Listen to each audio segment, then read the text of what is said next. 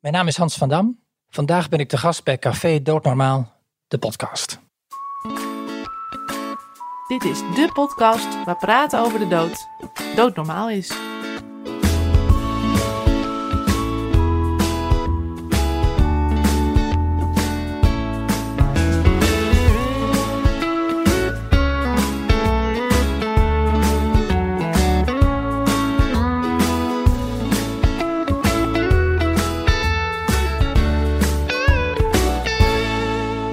Terwijl de stad om ons heen langzaam ontwaakt. En wij genieten van een lekker kopje koffie in een verlaten NVVE-kantoor, heet ik je welkom bij weer een nieuwe en tevens allerlaatste aflevering van Café Doodnormaal, de podcast. Mijn naam is Geert Ekelmans en tegenover mij zit zoals gewoonlijk Sebastiaan Hattink. Sebastiaan, waar gaan we het vandaag tijdens deze laatste aflevering over hebben? Nou, het is voor ons de allerlaatste aflevering en het is natuurlijk een hele bedroefde aangelegenheid. Maar het is ook het jaar waarin de euthanasiewet 20 jaar bestaat. En dit is een mooie gelegenheid om eens terug te kijken naar de afgelopen 20 jaar en ook eens vooruit te kijken voor de komende jaren. En dit terug- en vooruitkijken doen we natuurlijk niet alleen. Speciaal hiervoor schuift Hans van Dam aan. Hans is consulent hersenletsel, gespecialiseerd verpleegkundige neurologie, publicist. Hans, van harte welkom. Oké. Hans, voordat we gezamenlijk vooruit gaan kijken, is het misschien goed om eerst terug te kijken. Hoe kijk jij zelf terug op de afgelopen 20 jaar euthanasiewetgeving? Ja, mijn geschiedenis uh, gaat eigenlijk al verder terug. Hè. Uh, in de aanloop naar die hele euthanasiewet heb ik al heel veel gedaan. Uh, opiniestukken geschreven, boeken die verschenen kon ik voor de Volkskrant bespreken. En het publieke debat, hè, daar veel aan gedaan, ook, ook met allerlei mensen binnen de NVVE. Dus in de aanloop daarnaartoe uh, is al veel gebeurd. Um, en als ik nou kijk uh, rondom de totstandkoming van die wet en wat daarna gebeurde, dat, dat is eigenlijk waar jullie naar vragen, hè? dan denk ik ten eerste dat die wet er net op tijd kwam. We hadden niet veel langer moeten wachten. Hè? Waarom niet? Omdat we een beetje aanvoelden dat het uh, politieke klimaat wat ging kantelen richting verzet. Niet zozeer misschien om de om de wettelijke regeling zelf, maar om wat er wel en niet onder zou vallen. Dus het politieke klimaat was aan het kantelen. En ik had toen al lang, al, al jaren, vanaf de jaren 90, contact met Els Borst, de toenmalige minister van Volksgezondheid, eh, die je eigenlijk kan zien als degene die de wet gerealiseerd heeft. En ik zat in de gezondheidsraad en daar werkte zij voor dat zij minister werd. En ik hoor haar nog zeggen, we moeten opschieten. Want anders dan halen we niet binnen wat we binnen willen halen. Nou, is dat nou gelukt? Nee, dat is niet helemaal gelukt. We hebben ook wel last gehad van dat kantelende uh, sfeer die er was.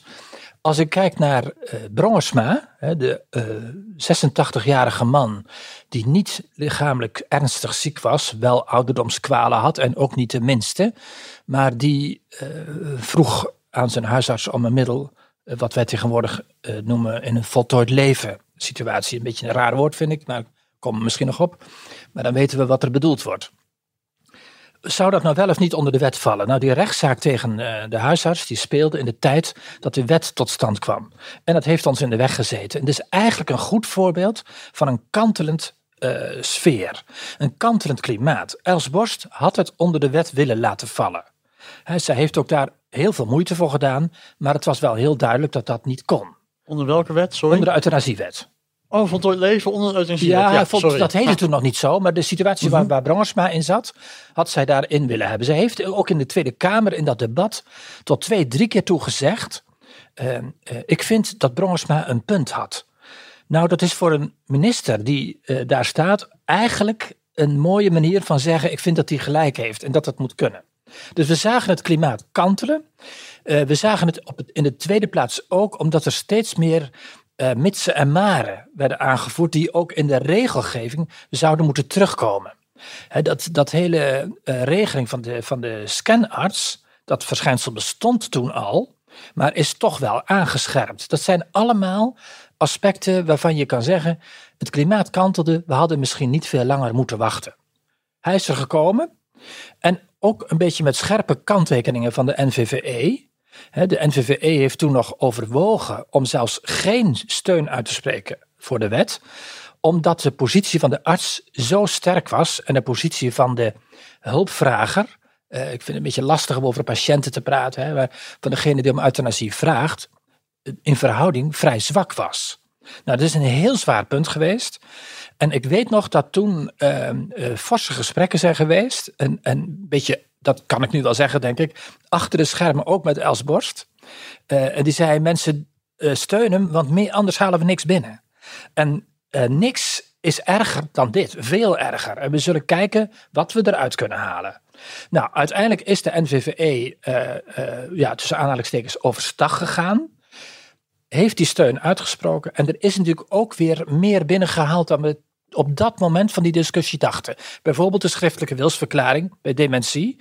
Hè, die is uh, wel binnengehaald. Dus eindeloos over gedebatteerd in de Kamer. Maar hij is er wel in de wet gekomen. Hè, en op een heel royale manier. Dus het klimaat kantelde. We moesten op tijd zijn. De NVVE was heel kritisch. Toch steun op straffen van. Dan zouden we niks binnenhalen. Dat even over de periode rondom dat die wet werd aangenomen.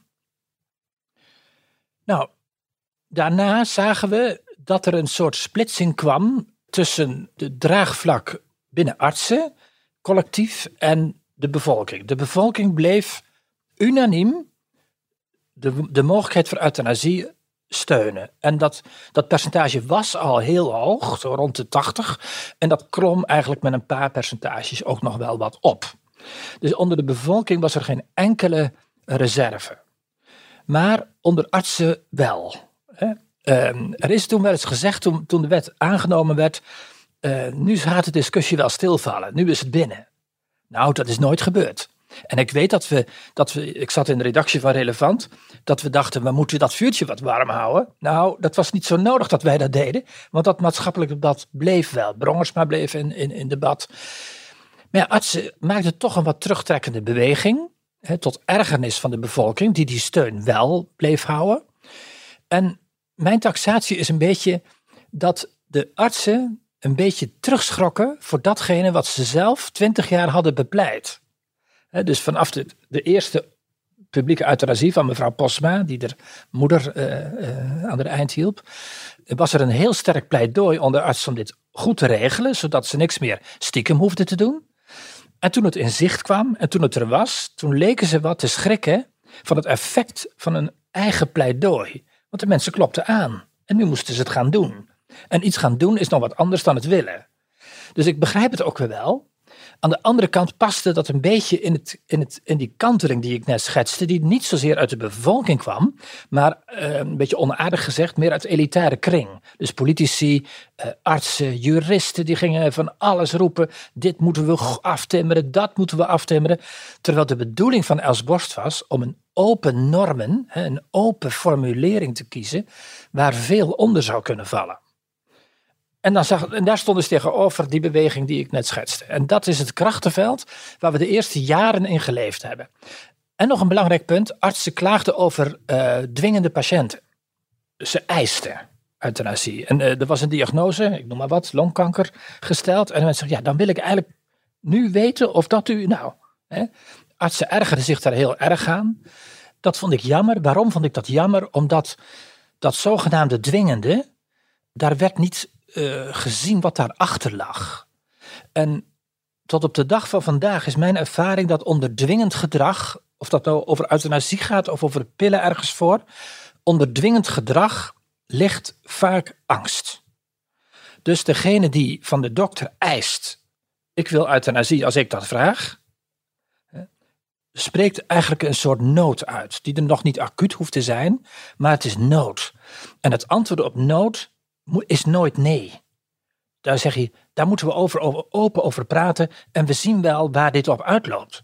Dan neem je je mensen mee. Nou, in dat krachtenveld speelden de eerste jaren van de praktijk van euthanasie zich af. En is dat veranderd? Uh, dat, wordt er beter geluisterd aan die noodoproep? Uh, ik hoor de laatste jaar al heel, vrij lang veel minder uh, klachten over dat dwingende gedrag. Dus dat, dat laatste punt, dat is wel veranderd. Er is natuurlijk zijn ook nog wel andere dingen veranderd. Um, uh, verpleeghuisarts Bert Keizer die zegt vaak, uh, de, de, de geschiedenis heeft zich gekenmerkt door het steeds maar weer verleggen van de grenzen. Dat is denk ik niet waar. er is meer ruim, gebruik gemaakt van de ruimte die de wet biedt. En dat is iets anders. Dus hij heeft gelijk als het gaat over de praktijk. Hij heeft geen gelijk als het gaat over de wettelijke regeling. Er is tot nu toe nog geen enkele ontwikkeling geweest die buiten de, de wettelijke grens lag. Dus het is meer gebruik maken van het, van het speelveld, zou ik maar zeggen. De krijtlijnen zijn dezelfde gebleven en daarbinnen heeft het spel zich verbreed. Dat kwam ook al vrij snel de roep daarom, de bijzondere groepen noemden we dat toen. Uh, dan hadden we het over mensen uh, met een psychiatrische ziekte, uh, waar eigenlijk nooit hulp bij zelfdoding of euthanasie gebeurde. Behalve soms in het geniep, hè, dat wisten we wel. De mensen met dementie, waar we nu heel veel over hebben, en mensen wat we nu noemen voltooid leven, wat in het begin de groep Brongsma hè, werd genoemd. En los daarvan werd, was de roep om de pil van Drion. Hè? Dus Drion die in 1991 gepleit had om voor oude mensen een middel beschikbaar te maken waarmee ze op een zelfgekozen moment uh, konden sterven. Dus geen middel om dat morgen te doen, maar voor het geval dat.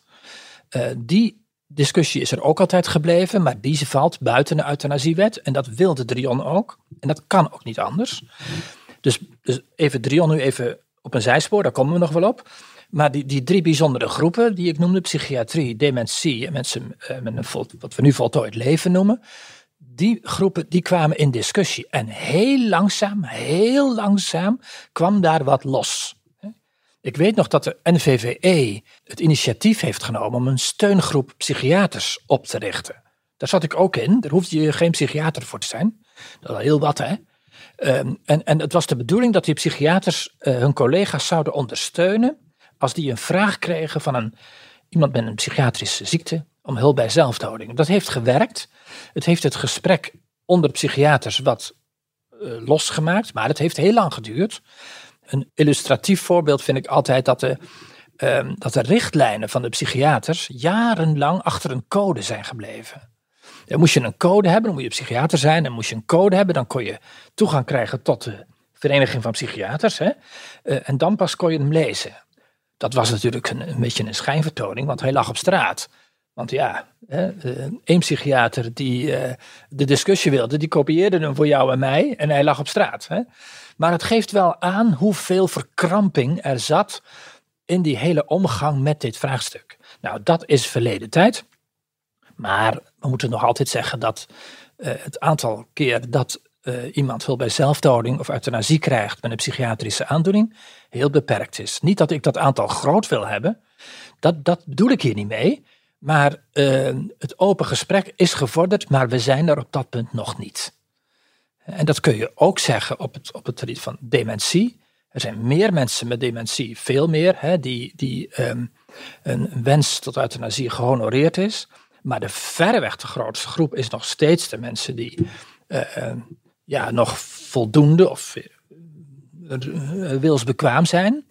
Dus voor het moment dat je wilsonbekwaam wordt, dat is natuurlijk een geleidende schaal, maar afijn, ehm, we begrijpen wel wat hiermee bedoeld wordt. Mensen in op een gesloten afdeling in een verpleeghuis zijn verregaand vaak ehm, wilsonbekwaam, ook op dit onderwerp. Hè. Op de dieptebeleving van hun eigen situatie, daar wordt uh, daar wordt wel veel over gezegd, maar met alle respect ook veel onzin. Hè?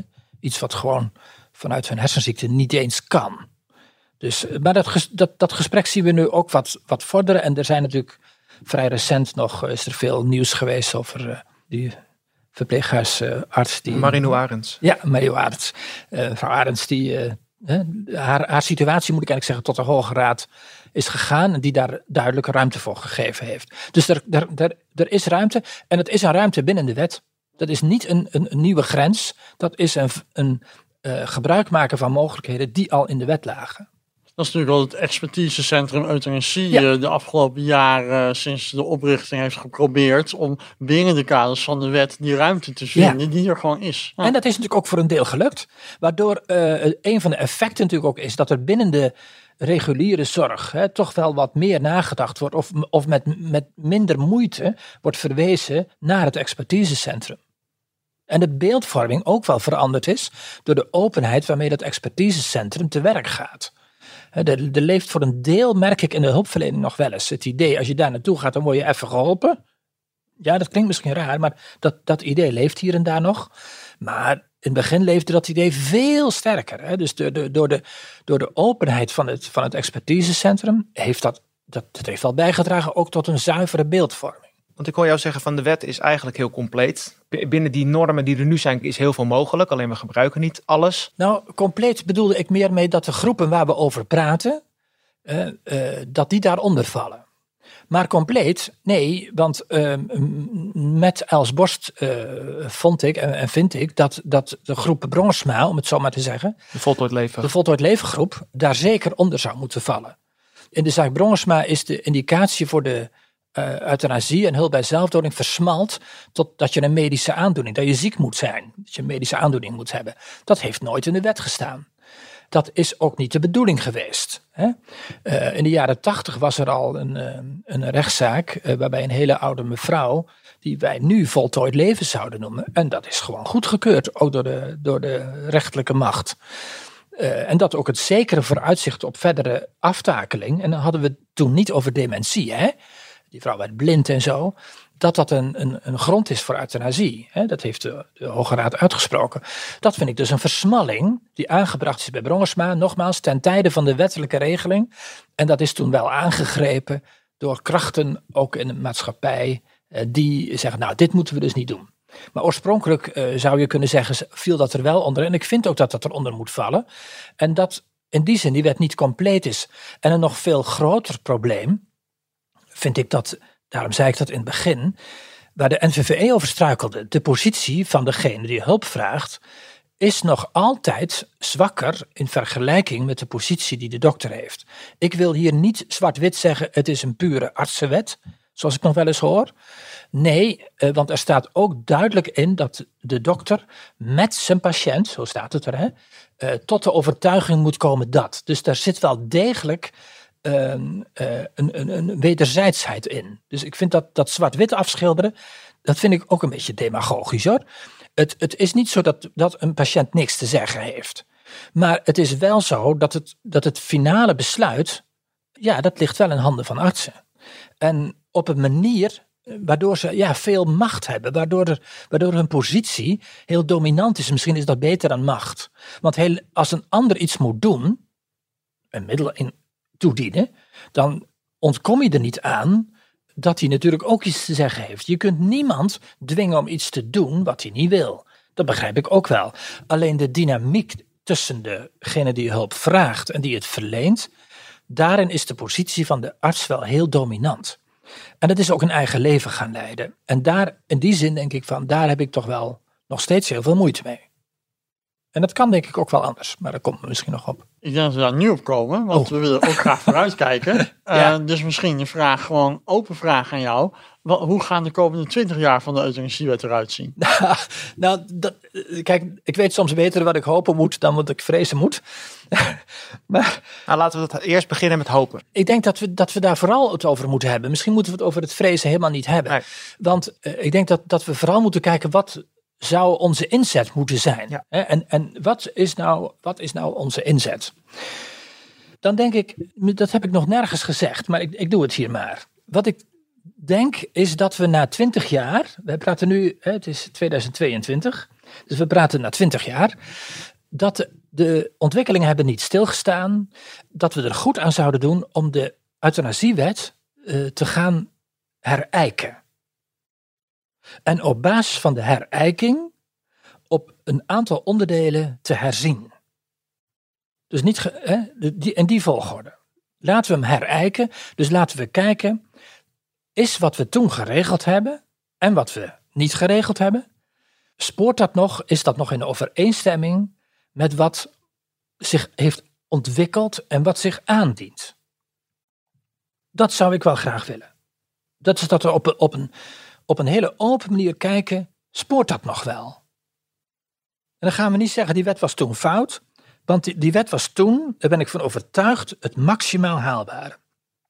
Met de kanttekeningen die ik benoemd heb. Hij was toen het maximaal haalbare. Anders hadden we die wet niet gehad. Dus laten we ook onze zegeningen tellen. Die hebben we ook de laatste twintig jaar kunnen tellen. Dat moeten we doen. Het hoeft niet meer stiekem. Er is een open gesprek. Dat gezegd hebbend, kunnen we heel rustig kijken. Gezien de ontwikkelingen, zouden we niet moeten herijken. En ik wil hier ook wel kwijt waar ik heen wil. Hè? Dat wil je natuurlijk ook horen. ja. Waar ik heen zou willen is uh, het punt wat ik net aanraakte over die positie van degene die erom vraagt, dat ik die zou willen versterken. Waar ik kort gezegd heen zou willen, dat is dat we naar een euthanasiepraktijk gaan die heel erg lijkt op de abortuspraktijk. Waar de positie van de vrouw veel sterker is dan de positie van degene die om euthanasie vraagt. Dus de dynamiek tussen degene die hulp vraagt, hè, de vrouwen bij de, de abortusregeling, en degene die de hulp verleent, de dokter, die dynamiek is heel anders. De wens van de vrouw en de schets van haar situatie die ze altijd geeft, die is veel meer uitgangspunt. En de dokter zit in een veel meer in een dienstverlenende eh, rol. En veel minder bepalend. Hij hoeft ook niet altijd te zeggen ja, te denken in zo'n situatie zou ik het ook doen. Waar hij naar kijkt is of iemand er goed over heeft nagedacht. En dat de persoonlijke motieven van iemand eigenlijk per definitie worden gezien als nood. En dat bedoel ik niet in juridische zin. Juristen die zeggen, ja, de dokter zit in een noodsituatie, hij zou het eigenlijk niet moeten doen, maar nee, dat, dat is juridisch noodbegrip. Ik bedoel persoonlijke nood.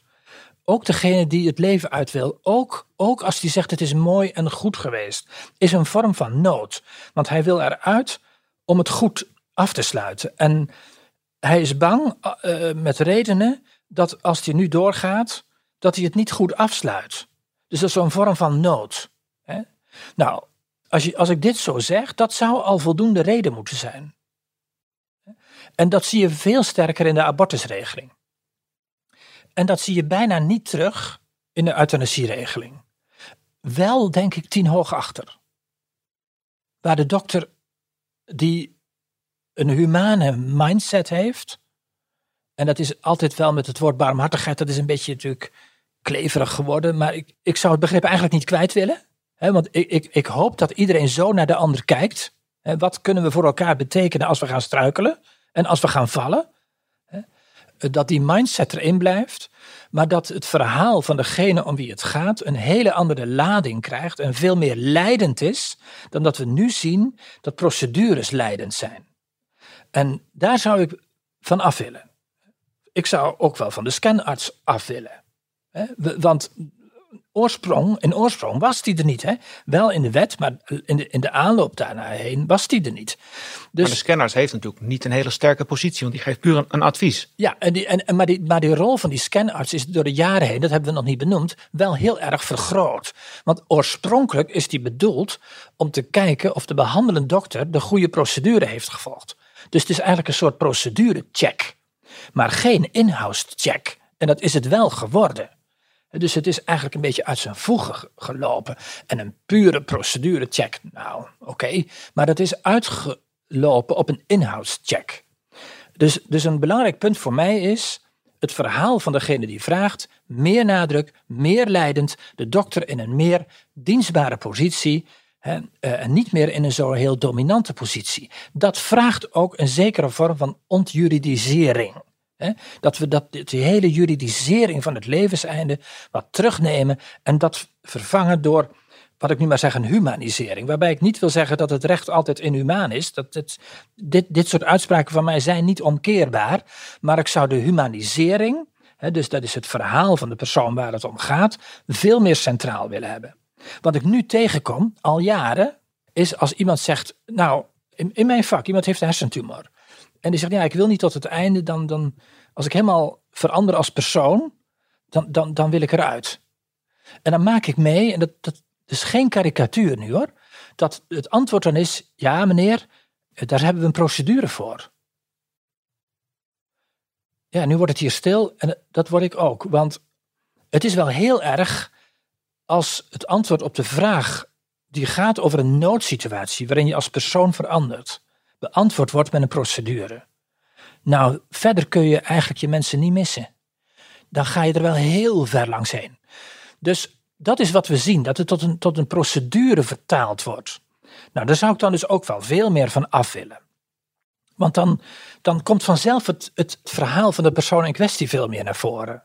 Punt 2, de, de Brongersma groep uh, gewoon onder de hulpverlening. Drie, we zouden veel meer nadruk moeten leggen op degene die zelf zijn overlijden ter hand wil nemen, dat hij dat ook zelf doet. De autonome route. Ja. Uh, dat is niet uh, bedoeld om het wantrouwen van wil die het wel echt. Maar de andere kant is dat het wel, als ik het middel zelf neem, dat het een ultieme uitdrukking is van wat ik wil, van mijn autonomie. Als ik het zelf wil, dan doe ik het ook. Ik was in de jaren tachtig uh, leidinggevende neurologie. En toen hadden wij uh, de AIDS-epidemie. Uh, AIDS was toen natuurlijk een. Ja, het is helemaal geen leuke ziekte. Maar iedereen ging daar dood aan. En die, als het in je kwam, was dat verschrikkelijk. Dat leidde tot een gigantische aftakeling. In die tijd was euthanasie niet geregeld. Maar iedereen weet dat dat gebeurde. Dat waren mondige, vaak mannen, vaak jonge mannen. Die precies wisten wat ze wilden waar je niet meer in een mandje ging melken. Ook door hun geaardheid vaak al heel assertief waren. En die zeiden ook heel vaak: Ik wil het zelf nemen. Ik, ik drink dat zelf op. En dat deden ze ook. wij moesten natuurlijk joemelen, maar daar gaat het nou niet om. Ze dronken het zelf op. Ultieme uitdrukking, ik vond dat zo mooi. Hè? Dat, dat deze manier van sterven, waarbij je dat zelf dan ook doet. Dus niet je arm uitsteken, ja, dat wel. Maar niet om de dokter te laten prikken, maar om een glas te pakken waar het, uh, de dodelijk middel in opgelost is. Maar denk jij met de autonome route dan meer aan de hulp bij zelfdoding? Dus dat de arts jou drankje geeft en jij drinkt het drankje. Maar dan ben je wel afhankelijk van de arts. Dan blijf je nog afhankelijk. maar... Ja, maar je bedoelt niet dat je onafhankelijk van de arts, dus zelf een pil of iets... Uh... Ja, dat vind ik ook. Uh, dus dus uh, ik, zie een palet aan mogelijkheden. Want meer nadruk op zelf doen wil niet zeggen dat de dokter straks niks te doen heeft. Want er zijn natuurlijk mensen die om medische redenen uh, niet kunnen drinken, omdat het niet goed meer, het spijsverteringskanaal, dat, dus om medische redenen. En er zijn ook mensen die het een veilige gedachte vinden. En niet van ik wil het niet drinken, maar die het een veilige gedachte vinden als er een middel wordt ingespoord wat binnen twee, drie minuten werkt. dus die, die, die zich daar rustig bij voelen. Dat, dat mag ook, maar dan hebben we de menselijke factor er weer al royaal in. En daarnaast hè, zou ik ook de autonome route buiten de dokter om. Hè, dus dat er, en daar zouden we dan naar moeten kijken hoe we dat doen. Dat er dus uh, uh, voor, voor mensen uh, onder bepaalde omstandigheden, daar zouden we naar moeten kijken, een middel beschikbaar is wat ze zelf over kunnen beschikken op een door hun gekozen moment. Dan kom je dus heel dicht bij Drion. Hè, um, die route zou ik ook uh, bepleiten, zeker. Dus ik zou alle opties willen ophouden. En dat op een gelijkwaardige uh, opties. Niet daar verschillen in maken. Maar dan hebben, we, dan hebben we het een heel stuk meer, denk ik, gehumaniseerd. In plaats van gejuridiseerd en gemedicaliseerd. Want dat is natuurlijk ook een gedoe. Je moet aan een ziekte lijden. Of een stapeling van ouderdomsklachten. Ja, die heeft iedereen boven de 70. Hè? Dus, maar maar dat, dat is een beetje. Ja, dan, dat is vaak niet eerlijk want mensen zeggen, ja, maar ik, ik, ik vraag het niet omdat ik, omdat ik hoe erg ook incontinent word. Dat is niet niks, hè? Dat is echt niet niks. Maar dat is, dat is vaak dan een doekje eh, voor de bloeden. Het is, het is een, ja, dat, dat voelt niet goed. Zoals we vroeger, eh, mocht je niet scheiden, behalve bij ontrouw. Dus iedereen die elkaar de tent uitvocht, die gaf het argument van ontrouw. Dat, dat, dat, dat was toen de grote leugen. Het was niet altijd ontrouw. Dus we moeten daar eerlijk over zijn. Want hoe, kijk je, hoe kijk je dan nu naar het wetsvoorstel voltooid leven? Los van haalbaarheid. Los van de haalbaarheid. Uh, ik ben vanaf het begin uh, heel kritisch geweest daarover. Omdat het een, een soort uh, variant is op de regeling bij, zoals de euthanasiewet die heeft. En er ook nog eens een langere bedenktijd in zit. Die we nu bij abortus trouwens willen afschaffen. Ik snap wel dat dat impulsief gebruik wil tegengaan. Maar het is ook een vorm van bevoogding. Dus ik vind ook dat het ook nog heel erg omgeven is met allerlei voorwaarden wat ik denk is dat, het gaat hier niet over de details van de regeling, hè, die bedoel je niet. Nee. Maar dat die route, van mij mag die wel openstaan, als we dat maar niet zien, als het een en al voor de doelgroep waar die voor bedoeld is. De mensen van 70 of 75 plus. Naast de route die deze wet voorstelt, eh, vind ik ook dat de Drion-route open moet blijven. Dus dat niet alle mensen die aan het eind van hun leven oud en daar dagen zat, over een middel willen beschikken, dat die afhankelijk zijn van de regeling van de voltooid levenwet.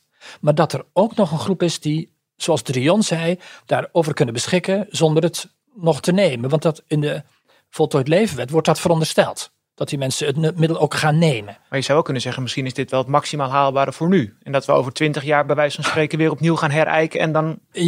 Ja, dat zou kunnen. hoewel we, uh, uh, dan gaan we heel erg kijken uh, naar wat vrezen we. Hè? En als we zeggen, waar moeten we op inzetten? Dan vind ik toch dat Drion was 91. We zitten enkele tientallen jaren verder. Eh, dat, dat we ook de moed moeten hebben om voor de Drion groep en dan bedoel ik 70 plus, een proeftuin te maken.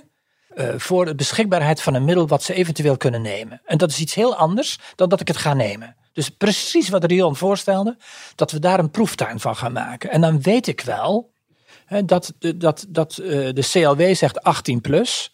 En dat is dus nu zeg ik dat wat uh, discriminatie, als je dat alleen 70 plus mensen geeft. Maar in het boek wat ik over de pil van Rion aan het schrijven ben, leg ik uit dat deze mensen ook in een hele andere situatie zitten met een ander motief dan als je jonger bent.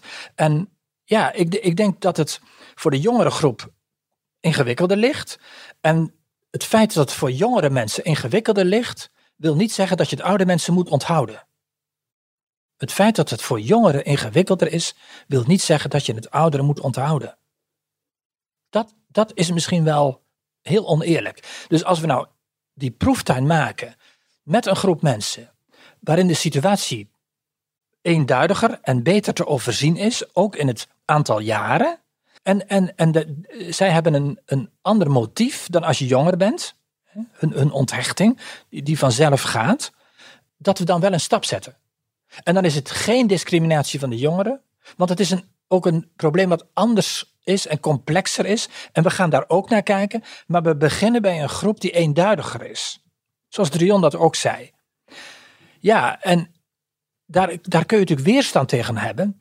Maar dan kom ik nog op een laatste, misschien een laatste punt wat ik graag zou willen zien. Dat is dat nee tenzij verandert in ja of ja tenzij. Er zit altijd een tenzij in. We zullen iets moeten met een minimale voorwaarde. Wel overwogen, dat mag je vragen van iemand. Dus ik denk dat die minimale voorwaarden, plus die proeftuin, dat die een draagvlak krijgt als het maatschappelijk klimaat en ook het politieke klimaat is gekanteld, nu naar de andere kant, mhm. van een nee tenzij naar een ja tenzij. Dus als er een ruimte komt, de dood wordt doodgewoon, zei psychiater van Danzig al in 1999. Hè? Zo lang terug al. Die zei, de dood moet eigenlijk doodgewoon worden. En als we die openmaken dan, en, en, en, en, en de toegang creëren, dan ontstaat er een, een ander klimaat, een andere sfeer. En de mensen die nu zo heel hard roepen om de pil van Drion, en als we daar één of twee voorwaarden aan verbinden, zullen dat in dat klimaat, daar ben ik van overtuigd, geen probleem mee hebben.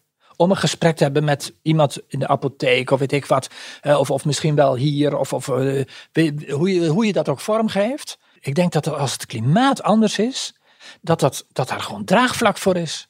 En hoe harder de, de overheid neerroept, hoe meer de hakken in het zand gaan en hoe radicaler er gevraagd wordt. En hoe meer je ja zegt, hoe meer de mensen mee gaan denken: wat is de redelijke route naar de verkrijgbaarheid? Of de beschikbaarheid is een beter term, maar niet iedereen wil het in huis. Dus daar moeten we ook nog wat varianten en die zijn goed denkbaar. Heel wat wensen en uh, hoopvolle verwachtingen. Uh, uh, gaat dit nog twintig jaar duren? Of, Nou, dat hoop ik niet. ik, ik, ik, ik zei het al, ik schrijf dat boek over de pil van Drion, waarbij ik terugkijk tot de verre oudheid, hoe ze toen uh, omgingen met eindigheid en ouderdom en, en sterven. Ik reken ook af met de romantiek, hè, van de romantiek van de, de Eskimo die in de iglo gaat liggen. En de Himalaya-bewoner die de berg inging met drie dagen eten.